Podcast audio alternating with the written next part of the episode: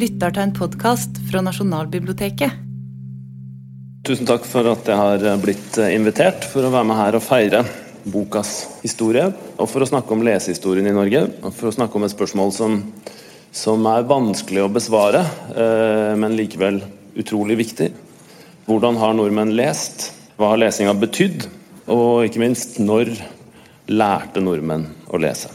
Det er sentrale spørsmål, men det er også spørsmål som har vært eh, overraskende eh, lite sentrale i norsk historieforskning. Det er en av grunnene til at jeg står her, tror jeg, som liksom frilansforsker og forlagsmann, og ikke en, at ikke er en merittert professor med lang lesehistorisk publikasjonsliste bak seg. Eh, det sier noe om at dette feltet ikke har hatt så høy prestisje. Men det forhindrer altså ikke at det er viktig. Det er også det å fortelle lesingens historie på den måten. Den kan fortelles både som en, en lys historie, lesing er noe vi vanligvis forbinder noe sterkt positivt med, og som en mørk historie.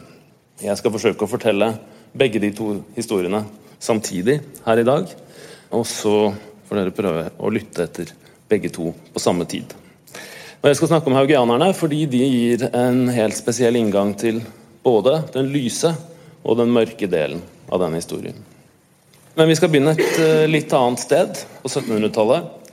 I Danmark-Norge. 1700-tallet, det For oss som jobber med det, så kan det innimellom oppleves eh, nært. Som noe som er rundt oss overalt. I hus og bygninger og talemåter og tenkesett og byråkratiske strukturer. På andre måter så kan det være veldig fjernt. Nesten litt magisk. Det fantes f.eks. For fortsatt kjemper og giganter i Norge på 1700-tallet. Det kan vi nemlig lese om eh, når vi leser den topografiske litteraturen fra denne tida. Eh, der beskrives det stadig. Det er disse bøkene som begynner å kartlegge landets naturressurser og eh, industri og næringsliv, landbruk. Der fortelles det stadig om disse store kjempene som man kan treffe, eh, særlig litt langt inn i landet, høyt opp mot fjellet, hvor innflytelsen utenfra var minst. De er etter alt å dømme levninger etter Norges tapte storhetstid.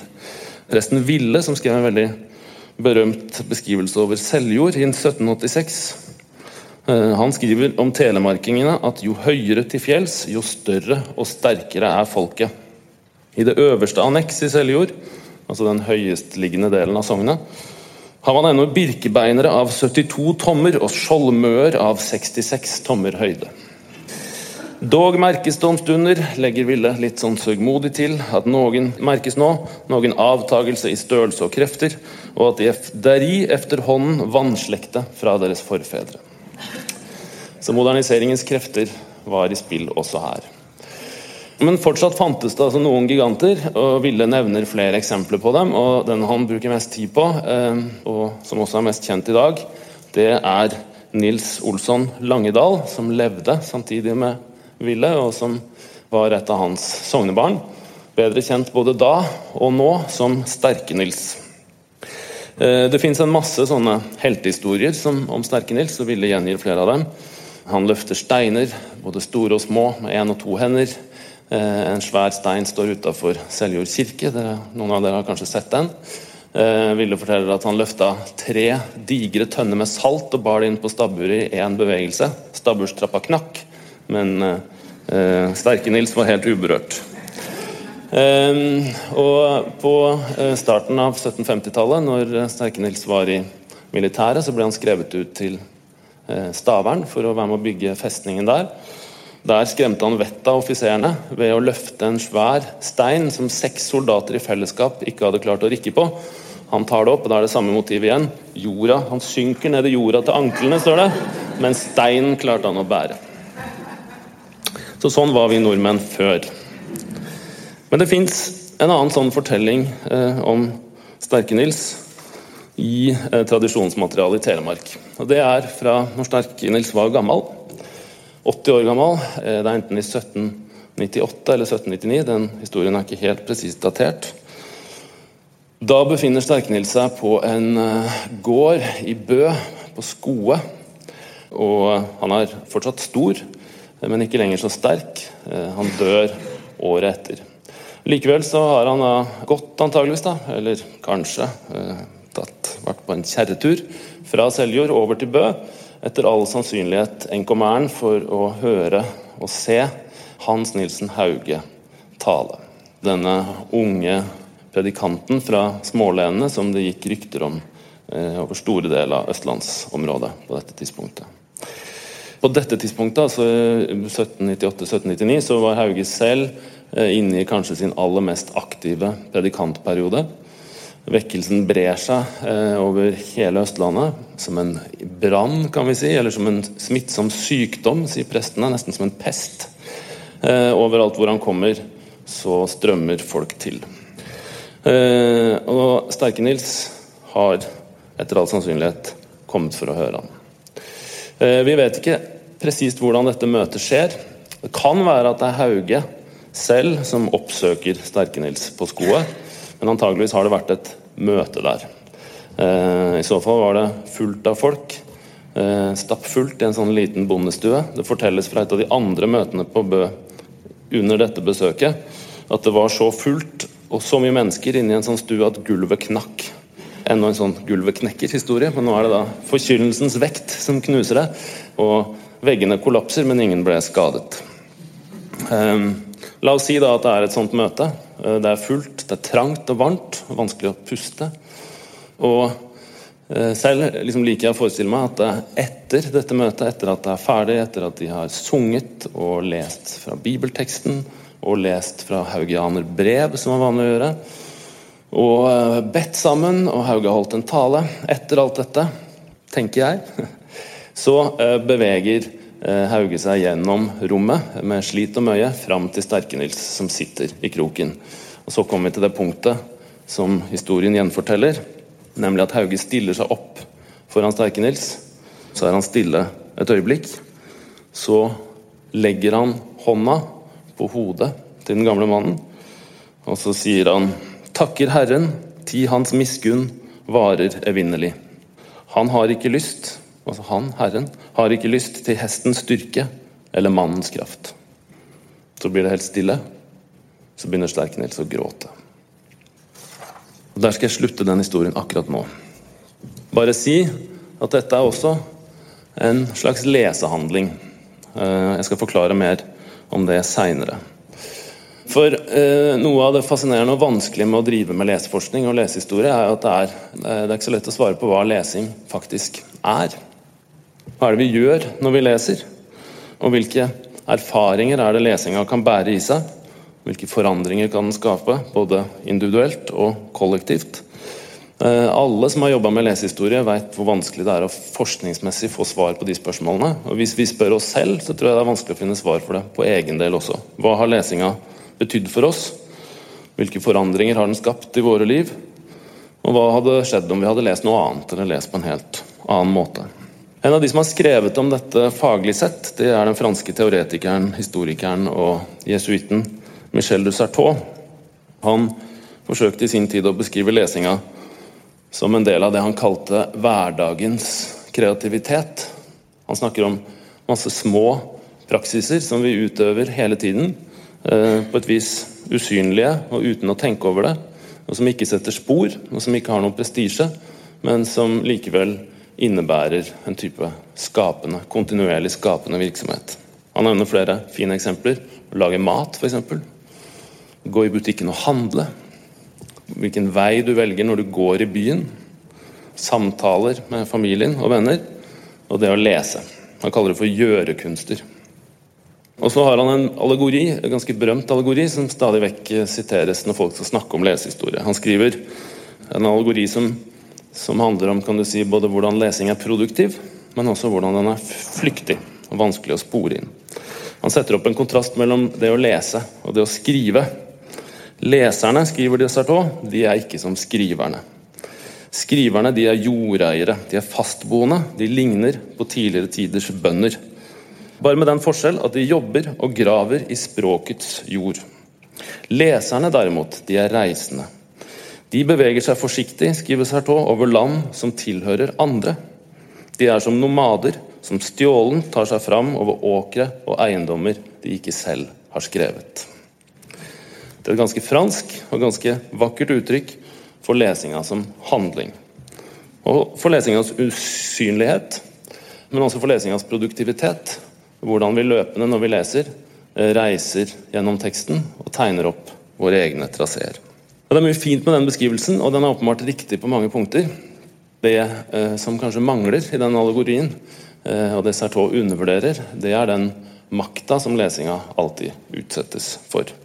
For vi som lesere vi eier nettopp ikke den teksten vi møter. Den teksten eh, er ofte pålagt oss. I tillegg så reiser vi sjelden alene, vi reiser i flokk. Og vi preges av forventningene fra dem rundt oss, forbudene vi har inni oss, og de lærdommene og fellesskapene som fører oss inn i teksten. Og Et av de mest talende eksemplene både på denne friheten og eh, kan du si, det strenge kollektivet rundt lesinga, det er nettopp haugianerne. Jeg skal ikke gå i detalj om den tidlige haugianismens historie her, bare minne om at dette var en stor og bred folkelig bevegelse. Kanskje den egentlig, første egentlige folkelige bevegelsen som finnes i norsk historie som i løpet av veldig få år, eh, rundt 1800, klarte å snu opp ned på store deler av de sosiale, religiøse og politiske strukturene i Danmark-Norge. Det er en av de mest omskrevne historiske fenomenene, men på mange vis eh, også et fenomen som er ganske dårlig forstått, tenker jeg. Det er veldig lett å tenke når du nærmer deg materialet i dag. Vi tror vi vet hva det er, vi har hørt mye om hva organismen er. Eh, vi har igjen lest om det på skolen osv. Eh, men når du nærmer deg kildene i et samtidsperspektiv, så er det nesten alltid noe som skurrer, og noe som ikke passer inn i den beskrivelsen. For noen vekkelse for eksempel, i tradisjonell forstand, eh, det er jo haugianismen ikke. Til det er den altfor bred, for stor og får for store politiske og samfunnsmessige konsekvenser. Historikerne har pleid å beskrive organismen som en slags sånn en forløper for de store massebevegelsene som kommer utover på 1800-tallet. En slags sånn sped spire til arbeiderbevegelse og indremisjon og mållag osv. Men hvis du går inn og ser på hva som faktisk skjer, så er det vanskelig å forstå dette kun som en forform. Jeg står altså overfor et nettverk som omfatta mange tusen mennesker som strakte seg over hele landet, fra Malangen i nord til Lista i sør. En kompleks og ekstremt dynamisk og foranderlig organisasjon som kun var satt sammen av allmuefolk. Den var leda av allmuefolk, vanlige menn og kvinner.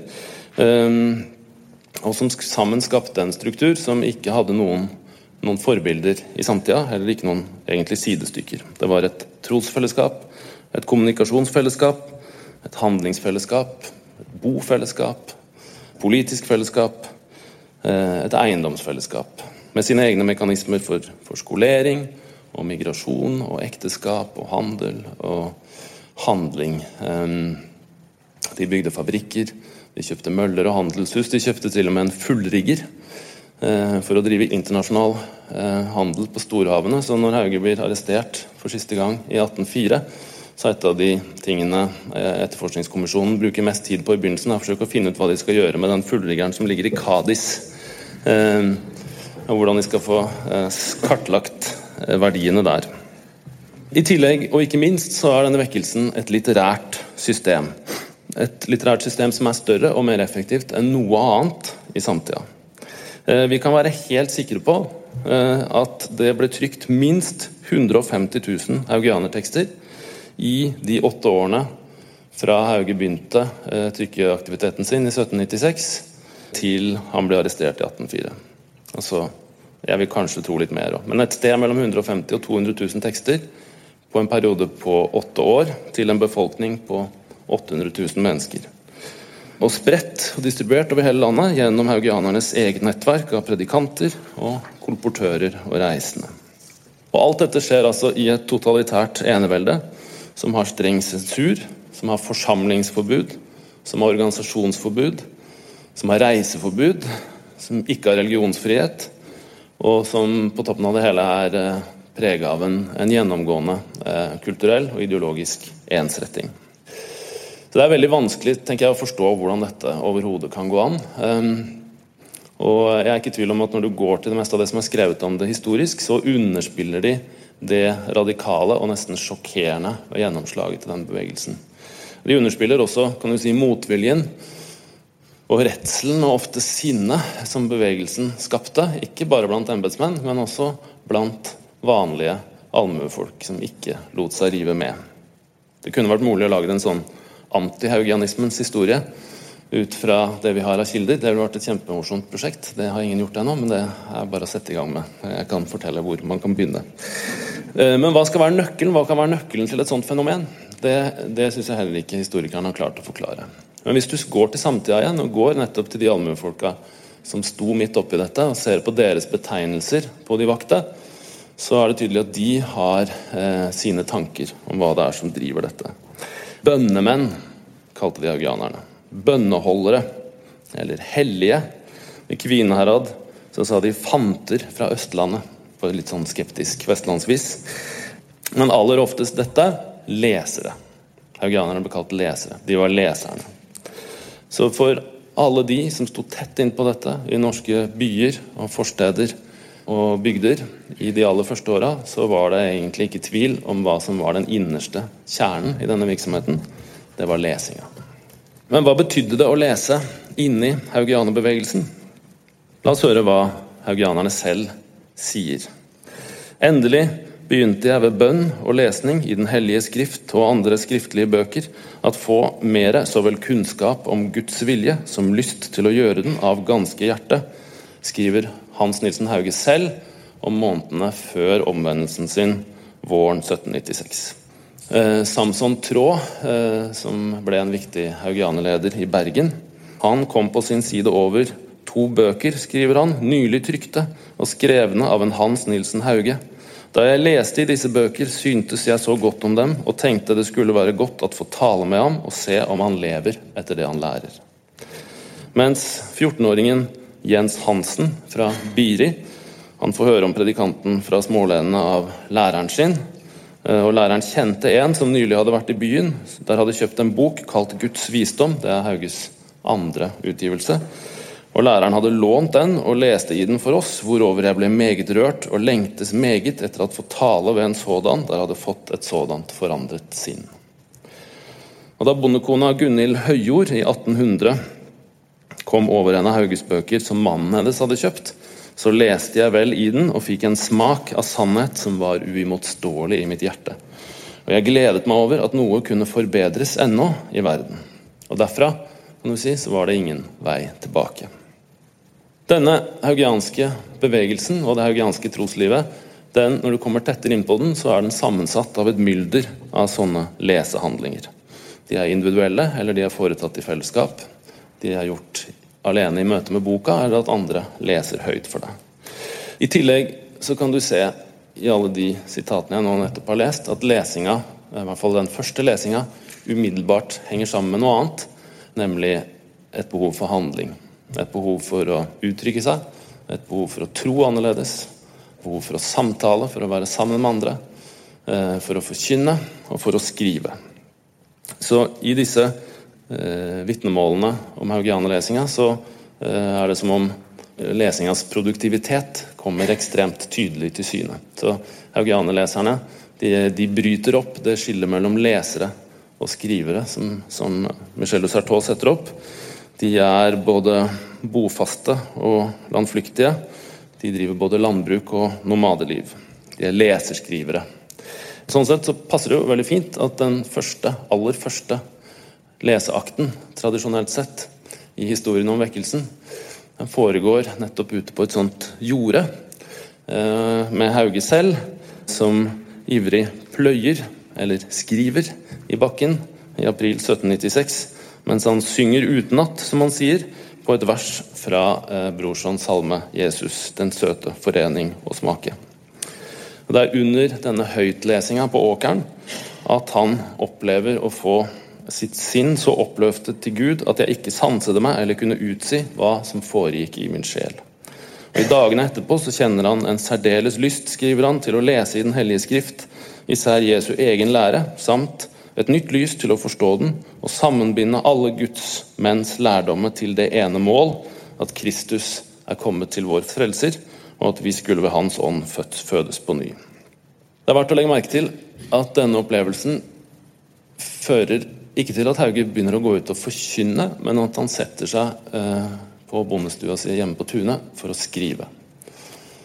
Eh, og Der sitter han og skriver eh, nesten uavbrutt i to og en halv måned.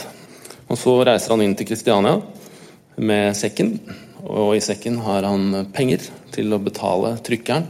Og så har han med seg dette manuset som han har jobbet med, som blir debutboka hans, 'Betraktning over verdens dårlighet'.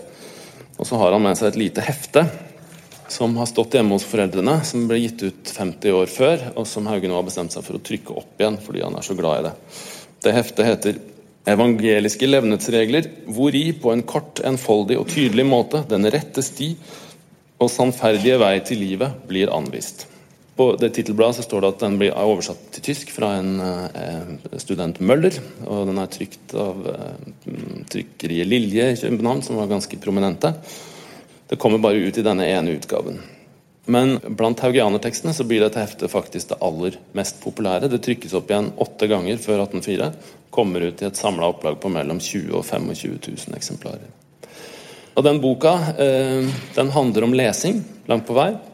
I tillegg så ligner den på Den er en, nærmest en tro kopi av en masse masse andre sånne tekster som har kommet ut i løpet av de 200 åra før Hauge reiser inn til Kristiania. Eh, som handler enkle eh, manualer som handler om hvordan man skal leve og tro mest mulig enkelt, og hvor andagsliv og lesing står helt sentralt. Så Det fins nesten ikke noe sted hvor du kan se eh, sammenkoblingen mellom haugianismen og en større lesekultur og eldre lesekultur tydeligere enn i akkurat det heftet. Så er spørsmålet hvordan var den lesekulturen? Og Nå kommer vi da til dette spørsmålet som vi, vi begynte med. Når lærte nordmann å lese? På samme måte som haugianerne så er det spørsmålet om nordmenns lesing egentlig påfallende underutforska. Det har vært sporadiske forsøk på å kartlegge det, eh, stadig mer de siste tiårene. Men lenge eh, var det eh, lite som ble produsert, og tilsvarende høy enighet om hva som var eh, fasit. Man var sikre på at eh, bokstavene kom seint til den norske bondebefolkninga, og de kom ovenfra. Den første systematiske forsøk på å besvare spørsmålet om når nordmenn lærte å lese, det uh, var Ludvig Daae på 1860-tallet. Eh, han slo fast at det var konfirmasjonsundervisningen, det var konfirmasjonslovgivningen og innføringen av allmueskolen i 1740 som var liksom det første støtet til bondelesinga. Og så Derfra begynte vi langsomt langsomt å lære å lese, sånn at i løpet av en hundreårsperiode så ble dette en eh, majoritetspraksis. Og eh, Det er en konsensus som med visse unntak sto seg eh, egentlig i 120 år. Eh, I 1981 så slo Knut Tveit fast at eh, han var skolehistoriker, og skrev den til da største studien av dette. Han slo fast at eh, allmueskolen i 1740 kom til et land i analfabetisme. Og, et, og lesinga kom som et direktiv ovenfra. Dette passer jo veldig fint med mange sånne forestillinger vi har om det norske. Så Folkloristene har liksom heid begeistret på dette. De er glad i en bondekultur som er muntlig, er ikke plaga av tekst og skrift og skummel fremmed innflytelse. Um, og Sosialhistorikerne, som gjerne har villet skape et litt sånn dystert bilde av fortida, de har også vært fornøyd med denne beskrivelsen. Um, sånn at uh, Så seint som i bøker fra 1990 og 2000 så kan du lese, uh, og fortsatt egentlig i flere norske skolebøker, så kan du lese påstander om at analfabetismen dominerte i Norge helt ut til langt inn på 1800-tallet. Uh, så er spørsmålet hvordan kan det bildet av en befolkning i analfabetisme forenes med historien om haugianismen, den lar seg egentlig ikke forene. Og Hvordan de har klart å leve ved siden av hverandre på den måten så lenge, er vanskelig å forstå. Men eh, de siste tiårene er dette langt på vei snudd. Og Den som skal ha æren for det, er eh, Jostein Fet, som nok ville vært her selv og pratet istedenfor meg hvis det ikke er for at han er 95 år. Og publiserte sin siste bok eh, for tre år siden. Da skrev han at nå, nå kommer det ikke mer bøker. Han satt helt alene som høyskolelektor i Volda og søkte på midten av 70-tallet om et lite personlig prosjekt hvor han ville telle bøker i folkelig eie på Nordvestlandet og Sunnmøre. Ehm, han fikk bitte litt penger fra Forskningsrådet og begynte å telle. Eh, det holdt han på med i 20 år. Til slutt hadde han kartlagt eh, oppunder 17 000 folkelige skifter eh, over en 200-årsperiode. Eh, og han fant bøker i nesten alle de skiftene. Totalt så fant han vel han fant oppunder 15 000 eh, identifiserbare bokeksemplar. Eh, så i en, en allmuebefolkning og i en allmuekultur som man da påstår er gjennomført eh, analfabetisk, så skryr det av bøker. I tillegg så gikk det an å se eh, fra Fets funn at det var store mørketall. Du kunne se fra andre kilder at eh, hus som man visste hadde mye bøker, småskrifter og sånne ting, der dukker de opp i skiftene uten oppføringer i det hele tatt.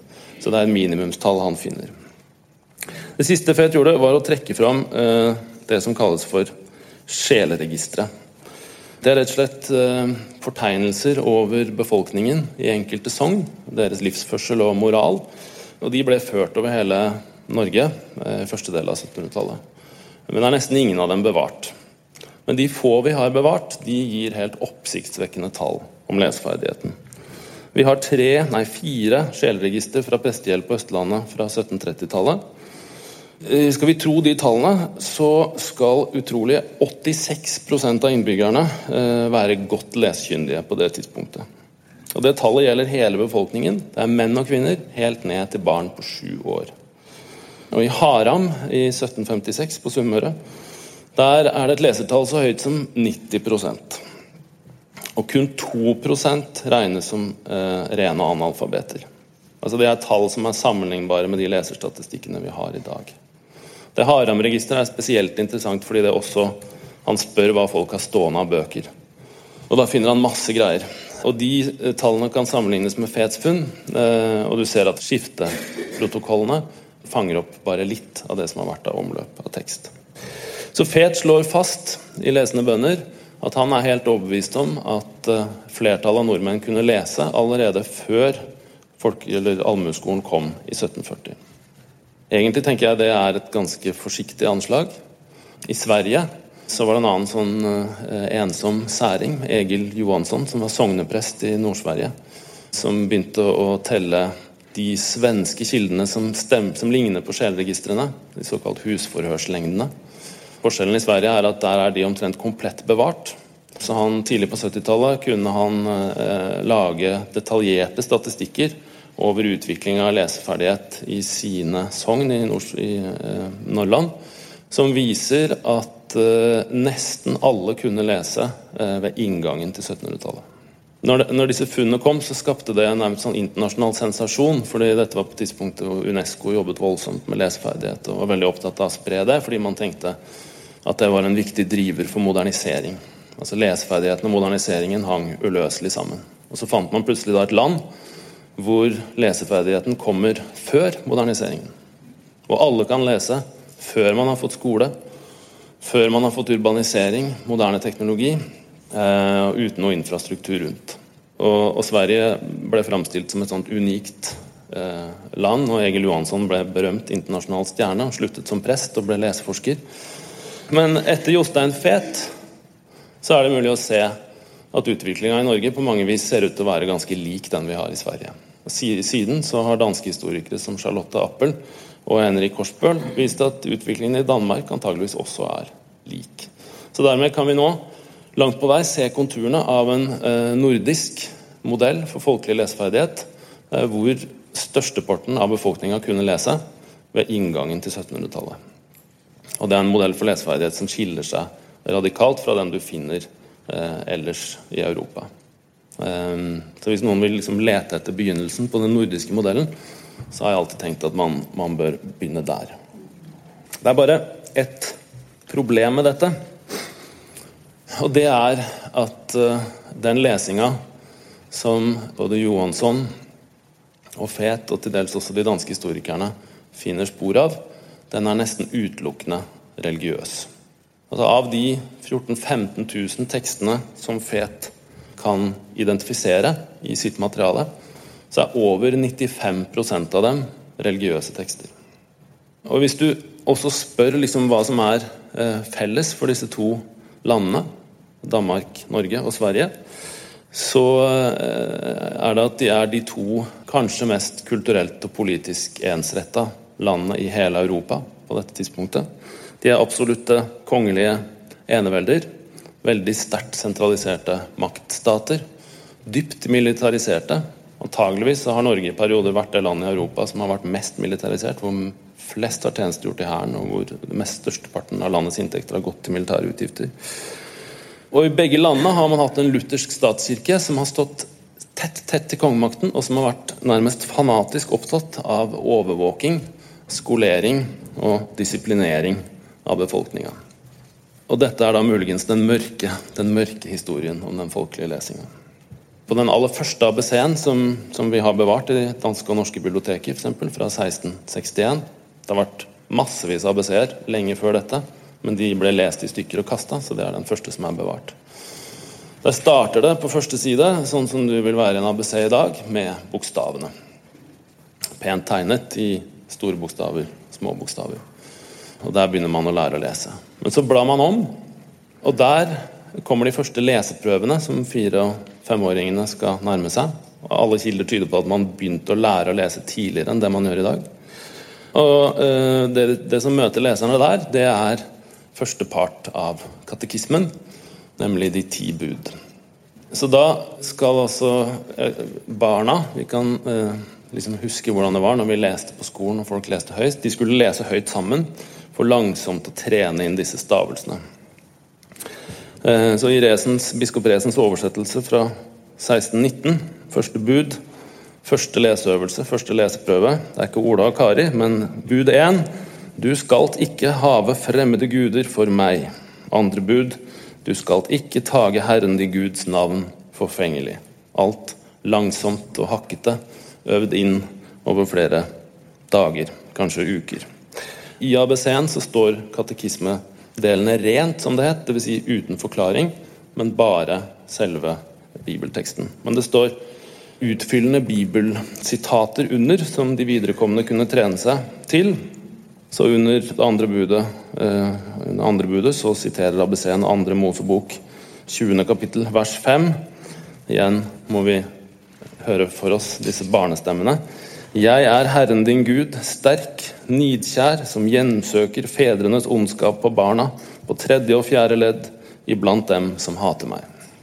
Nesten alle de ABC-ene vi har tilgjengelig fra denne perioden, og som vi vet har vært spredd i befolkninga, de er organisert på denne måten. Først alfabetet, så katekismens første tre parter rent, budordene, Fader vår, trosbekjennelsen. Og så når man var kommet seg gjennom det, så kunne man gå videre til den egentlige lesninga, nemlig eh, den eh, lille katekismen hvor budårene står, men du i tillegg får Luthers forklaring. Så eh, ABC-en i dette systemet det er ikke egentlig et middel til å lære seg å lese, det er et middel til å lære seg å lese katekismen som er målet for lesinga. Eh, og ABC-en og språket, skriftspråket, er aldri nøytralt i et sånt system. Det er nøytralt bare på den første sida. Med en gang du begynner å sette bokstaver sammen, så blir de del av bekjennelsen. Så blir de også del av statens språk. Og når eh, det er vanlig å bytte om på rekkefølgen her på katekismen, sånn at budordene kommer først, så er det bl.a. fordi det er der statens moral slås fast en gang for alle. Eh, og disse samme katekismeordene fra leseboka som barna lærte seg å lese, det er jo de de i dette systemet skal lære seg å høre på ukentlige gudstjenester, på husandakter hver uke, eh, på salmesang osv. osv. Så, så det skal ikke være så vanskelig å lære det utenat, hvor disse ordene er overalt. Målsettinga for dette lesesystemet det var eh, religiøst, men det var også tvers igjennom politisk. Eh, I den første norske loven fra 1687, Kristian 6.s lov, så står det først Guds frykt og rettferdighet ære de tvende fornemste støtter og hovedpilarer, med hvilke land og riker ute i deres bestandige flor og velstand befestes og oppholdes. Og i dette arbeidet med å bygge Guds frykt og rettferdighet eh, som, som, en bærer for staten, så er kirka helt uomgjengelig. Og Kirkas hovedredskap for å bygge denne disiplinen, det er katekismen. Det finnes ingen tekst så nyttig og fornøden som den Der er doktor ML, doktor Martins Luther, lille eller mindre katekismo, som til den rette, fornuftige, usvigelige melkemad, derav at vokse i Herren, til at vorde delaktig i Hans sanne evangeliske menighet, som i en fast kirke og tempel. Det er København-biskopen eh, Hans Resen som skriver det i 1628. At katekismen er som morsmelken, som vi alle skal drikke. Det fins ingen annen næring så universell og nærmest magisk eh, tilfredsstillende som katekismen er. Og det vi skal bruke den til, er å bygge et eh, tempel sammen, som er samfunnet og staten. Resen er interessant i denne sammenhengen eh, fordi det er han som på lang, langt på vei driver gjennom eh, en storstilt reform av katekismearbeidet eh, på 1600-tallet. Jo verre det går med de dansk-norske troppene under 30-årskrigen, jo mer opptatt blir både Resen og statsstyrelsen i København av at folk skal være fromme. Og dette er på en måte Det høres liksom hyklersk ut, eh, men når du leser kildene, får du, så skjønner du at det er blodig alvorlig. Eh, det står i Gamle Testamentet at, eh, at rikene straffes for all ugudelighet. At Gud hjemsøker oss. Det eneste måten vi kan unnslippe straff og slippe pest og tap på slagmarken og sånn, det er bare å leve frommere. Og katekismen og katekismefromheten er det mest effektive grepet vi har for å unngå denne straffen. Og da er det ikke sånn hos Resen at katekismen er en slags sånn ufullstendig første redskap som siden skal føre til noe mer. At vi liksom begynner med katekismen, og så skal ta steget videre til Bibelen og liksom bli voksne, myndige religiøse borgere. Nei, for Resen og i dette systemet så er katekismen egentlig en slags magisk tekst som rommer alt. Ehm, den er en nøkkel, skriver Resen, til alle Guds bøkers rette forstand og den ganske hellige skrifts og Bibels uforfalskede mening. Så det er en rituell tekst. Og som ritualer flest så må også denne lille teksten forankres i kroppen. For at teksten skal ha full effekt, så må den rett læres og befattes de inneste hjerte og ånd med alle sine parter og rette ord. Og det er logikken bak den utenatlæringspraksisen eh, som vel de fleste har hørt om. Det er ikke en pedagogisk så mye som det er en rituell eh, og teologisk tanke. Vi lærer utenat, ikke fordi vi skal lære oss noe annet, men fordi utenatlæringa er lesingas høyeste punkt. Først når vi kan noe utenat, så har vi ordentlig lest en tekst. Og først når teksten kan, er i oss utenat, så kan vi gjøre den virkelig. Dette er logikken bak katekismepolitikken, men det er i og for seg også logikken bak veldig mye pedagogisk og dannet tenkning i 1600-tallets eh, Europa. Paradokset med denne politikken i dansk-norsk sammenheng, det er at ambisjonene vokser. Først så starter man med de små partene i ABC-en. Så går man over til den lille katekismen. Så er det den lille katekismen med forklaringer. Så legges flere og flere parter til. Hele tiden denne ambisjonen om utenatlesning. Og i løpet av eh, 1600-tallet så øker dette pensum så mye at det man ser i kildene, er at for å kunne lære disse tingene utenat, så har folk rett og slett vært nødt til å lære seg å lese bok først. Det er en uintendert effekt, men det er effekten. Folk må lære seg å lese bøker for å kunne katekismen og de andre obligatoriske tekstene utenat. Og Trusselen bak speilet her er konfirmasjonen. Lenge før konfirmasjonslovgivningen kommer, rundt 1740, så er det jo praksis at du må konfirmeres eh, for egentlig å kunne anses eh, som en eh, fullverdig borger i det dansk-norske samfunnet. Så det er et selvforsynende system, på en måte, hvor folk eh, under trussel fra å falle utafor eh, eh, det religiøse fellesskapet, for å eh, ikke få kunne ta del i nattverden og sånne ting, er nødt til å lære seg både å lese og kunne alle disse tekstene utenat. Og Det er dette systemet som etter alt å dømme fungerer så godt at når vi kommer til begynnelsen av 1700-tallet, så kan alle lese. Men bare på disse premissene. Og Der er vi tilbake ved paradokset igjen. Hva er denne lesingen verdt? Hvilken verdi har den? Og Går vi til, til Fets materiale, disse 15 000 bøkene, så er det stort, men det er også helt sånn forbløffende konformt. Det er ikke så mye av disse småtekstene, katekismer og sånn, er det ikke så mye av, for det har som sagt ikke blitt tatt vare på. Men av de store bøkene som fins, så har de en tendens til å liksom klumpe seg sammen rundt noen veldig, veldig få bøker som nesten alle har. Sånn at uh, f.eks. Uh, Müllers, Heinrich Müllers postill, 'Evangeliske hjertespeil', den står for 70-80% av alle prekensamlinger i dette bokmaterialet som han finner. Hans Jacobsen Valsøs 'De bedenes åndelige kjede', som kommer ut i 1700, den står for over 70% av alle registrerte bønnebøker i dette materialet. Dette er jo bøker som ingen leser i dag, og ingen vet hvem er.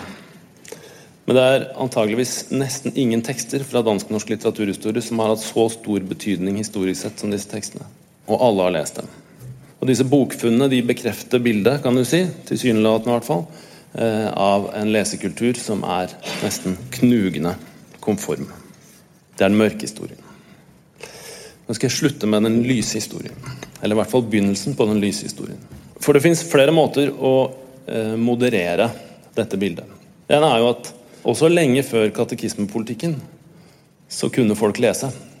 De forordene på noen av de aller første trykte bøkene vi har bevart som retter seg mot menigmann, mot et allmuepublikum, som er fromme eh, visesamlinger og salmebøker, så begrunnes disse bøkene med at folk allerede leser så mye dritt man leser horeviser og eventyr og fabler og ridderromaner og greier. Nå må vi få noe ordentlig lesing, dere.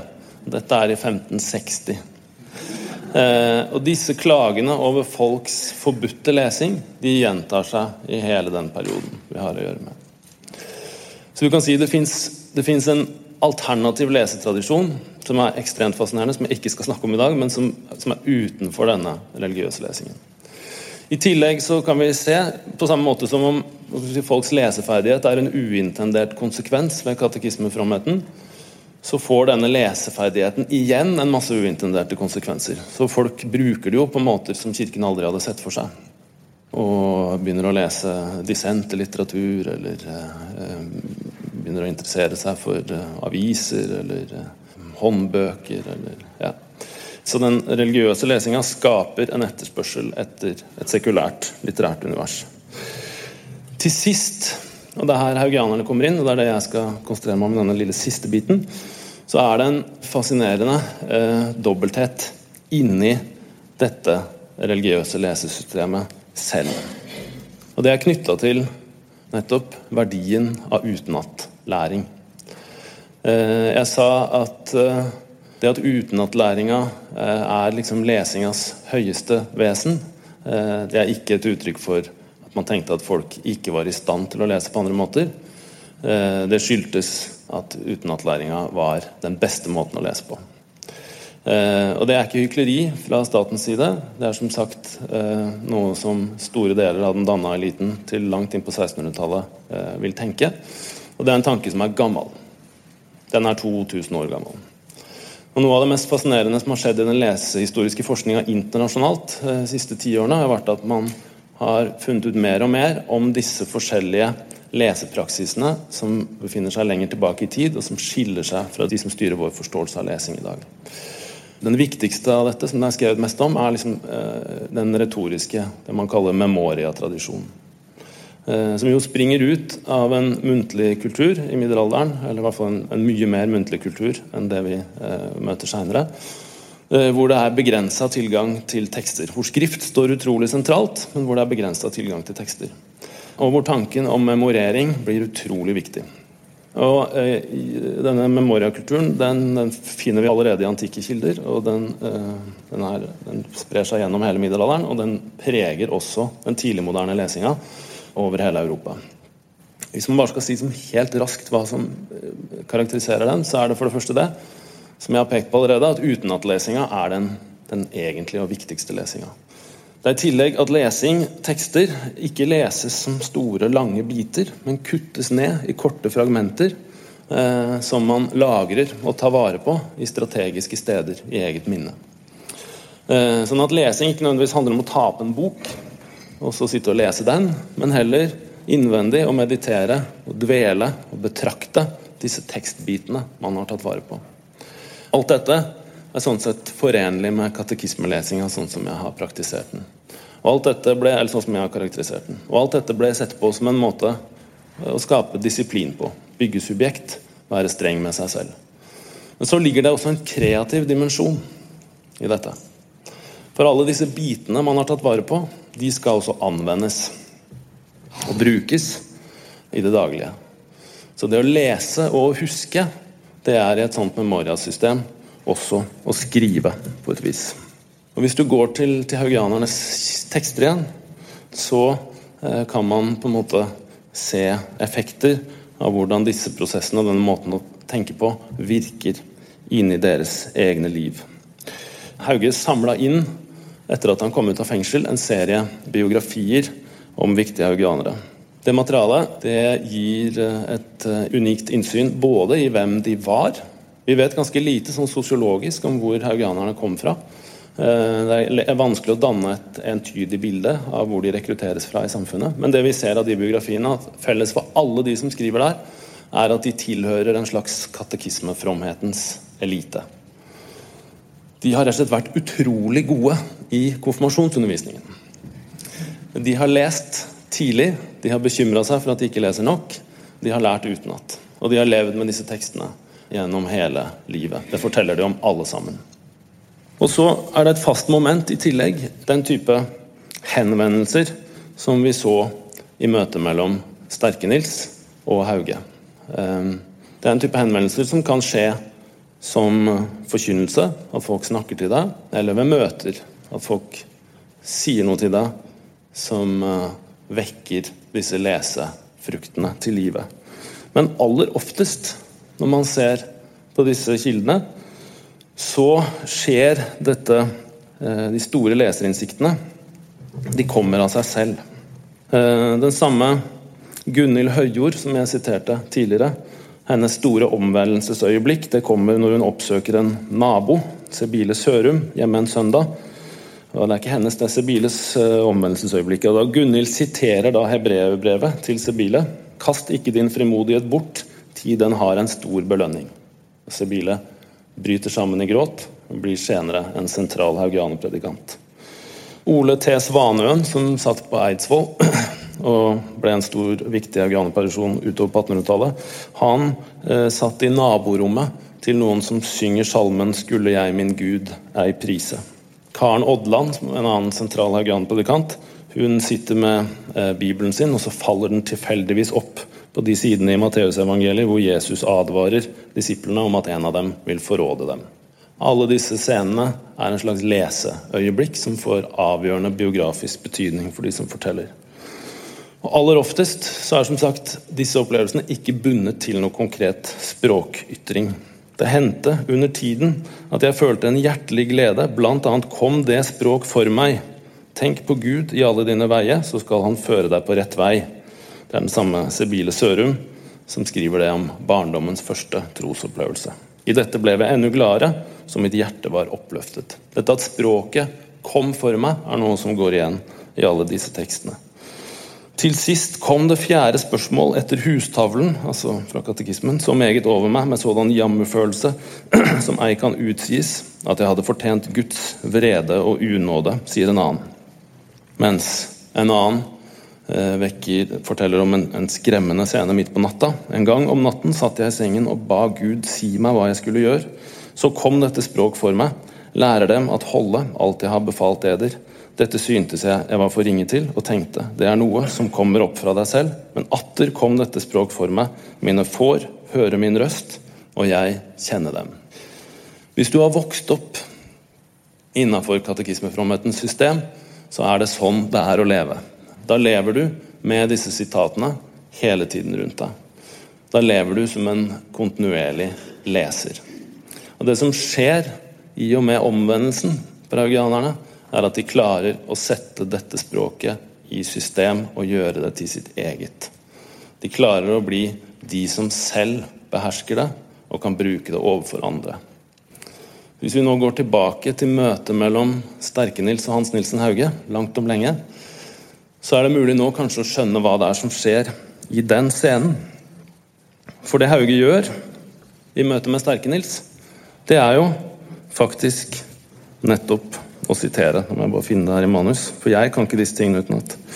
Uh, han siterer, og han komponerer en liten tale ved å sette sammen to sitater der og da, på stedet, i møte med Sterke-Nils. Takker Herren, hans miskunn varer evinnelig, begynner Hauge, og da siterer han første krønikebok, 16. kapittel, vers 34. Og så andre setning, et helt annet sted fra i Bibelen. Han har ikke lyst til hestens styrke eller mannens kraft. Det er fra Salmenes bok, kapittel 147, vers 10. Det er dette som får Sterke-Nils til å gråte. Og hvorfor gråter Sterke-Nils? Det er fordi selvfølgelig ordene gjør inntrykk på ham. Eh, Gud i hans miskunn bryr seg ikke lenger om hestens styrke eller mannens kraft. Han tar imot også denne svake, gamle mannen. Men i tillegg, tror jeg, så uh, skjønner han hva Hauge gjør. Han skjønner at dette er to sitater som settes sammen, og han anerkjenner den ferdigheten og den autoriteten som ligger i det å få disse uh, sitatene i spill på den måten. Og Ved å gjenkjenne den ferdigheten så anerkjenner han også Hauges legitimitet som, som forkynner. Og alt dette eh, får han til å gråte. Og Hvis du ser i Haugian-materialet, så vil veldig veldig mange eh, av de beskrivelsene der som gis av møter med folk, enten omvendelsesmøter sånn som dette, men ikke minst type kampmøter, altså konflikt og debatter med prester og sånn, arter seg akkurat som dette. At man mobiliserer sitater fra alle mulige kanter og vinner debatter. Så akkurat her er vi inne tror jeg, ved kjernen av det som er den enorme sånn, omstyrtningen av autoritet som haugianismen innebærer. At de klarer å snu dette språket og den lesingen de er indoktrinert i, inn i et system som de selv forvalter og kan bruke mot makta. Det finnes noen fantastiske eksempler på det, der Hauge eh, bl.a. står eh, nesten en time og disputerer med biskopen i Trondheim, Schönheider, på Eh, en rettssal, eller på et rettsmøte eh, ute i Trondheim. Men min, jeg skal slutte med min, min, favoritt. Det er fra Meldal, også det i 1799. Der ble en av de første haugianerpredikantene Trøndelag som kom til Trøndelag, Nils Iversen Riis. Han var blitt fengsla og ble dømt på rettsmøtet til tukthus straff. Når dommen har falt, så reiser en av sognebarna seg en seinere haugianer, bondekone, Kari Resell. Og Så reiser hun seg opp i rommet der, og så siterer hun. Dvs. Si, hun synger høyt mens alle hører på. Jeg kan ikke melodien her, så jeg kan ikke synge. Hun synger fra Kingos salmebok, både til domsmennene og presten som er til stede, og til forsamlinga. Retten spir, det alt er brekket. Kjærlighet er bleven kold. All rettferdighet er svekket. Uskyld lider overvold. Løgn er ført i sannhetsdrakt, sannhet er i støvet lagt. Urett kleder dommens sete, stene må derover grete. Og ingen gjør noe med henne. Hun går derfra urørt. Nils Iversen Riis blir fengsla, men haugianerne lokalt fortsetter sin virksomhet. Der skal jeg slutte, tror jeg. Langt om lenge.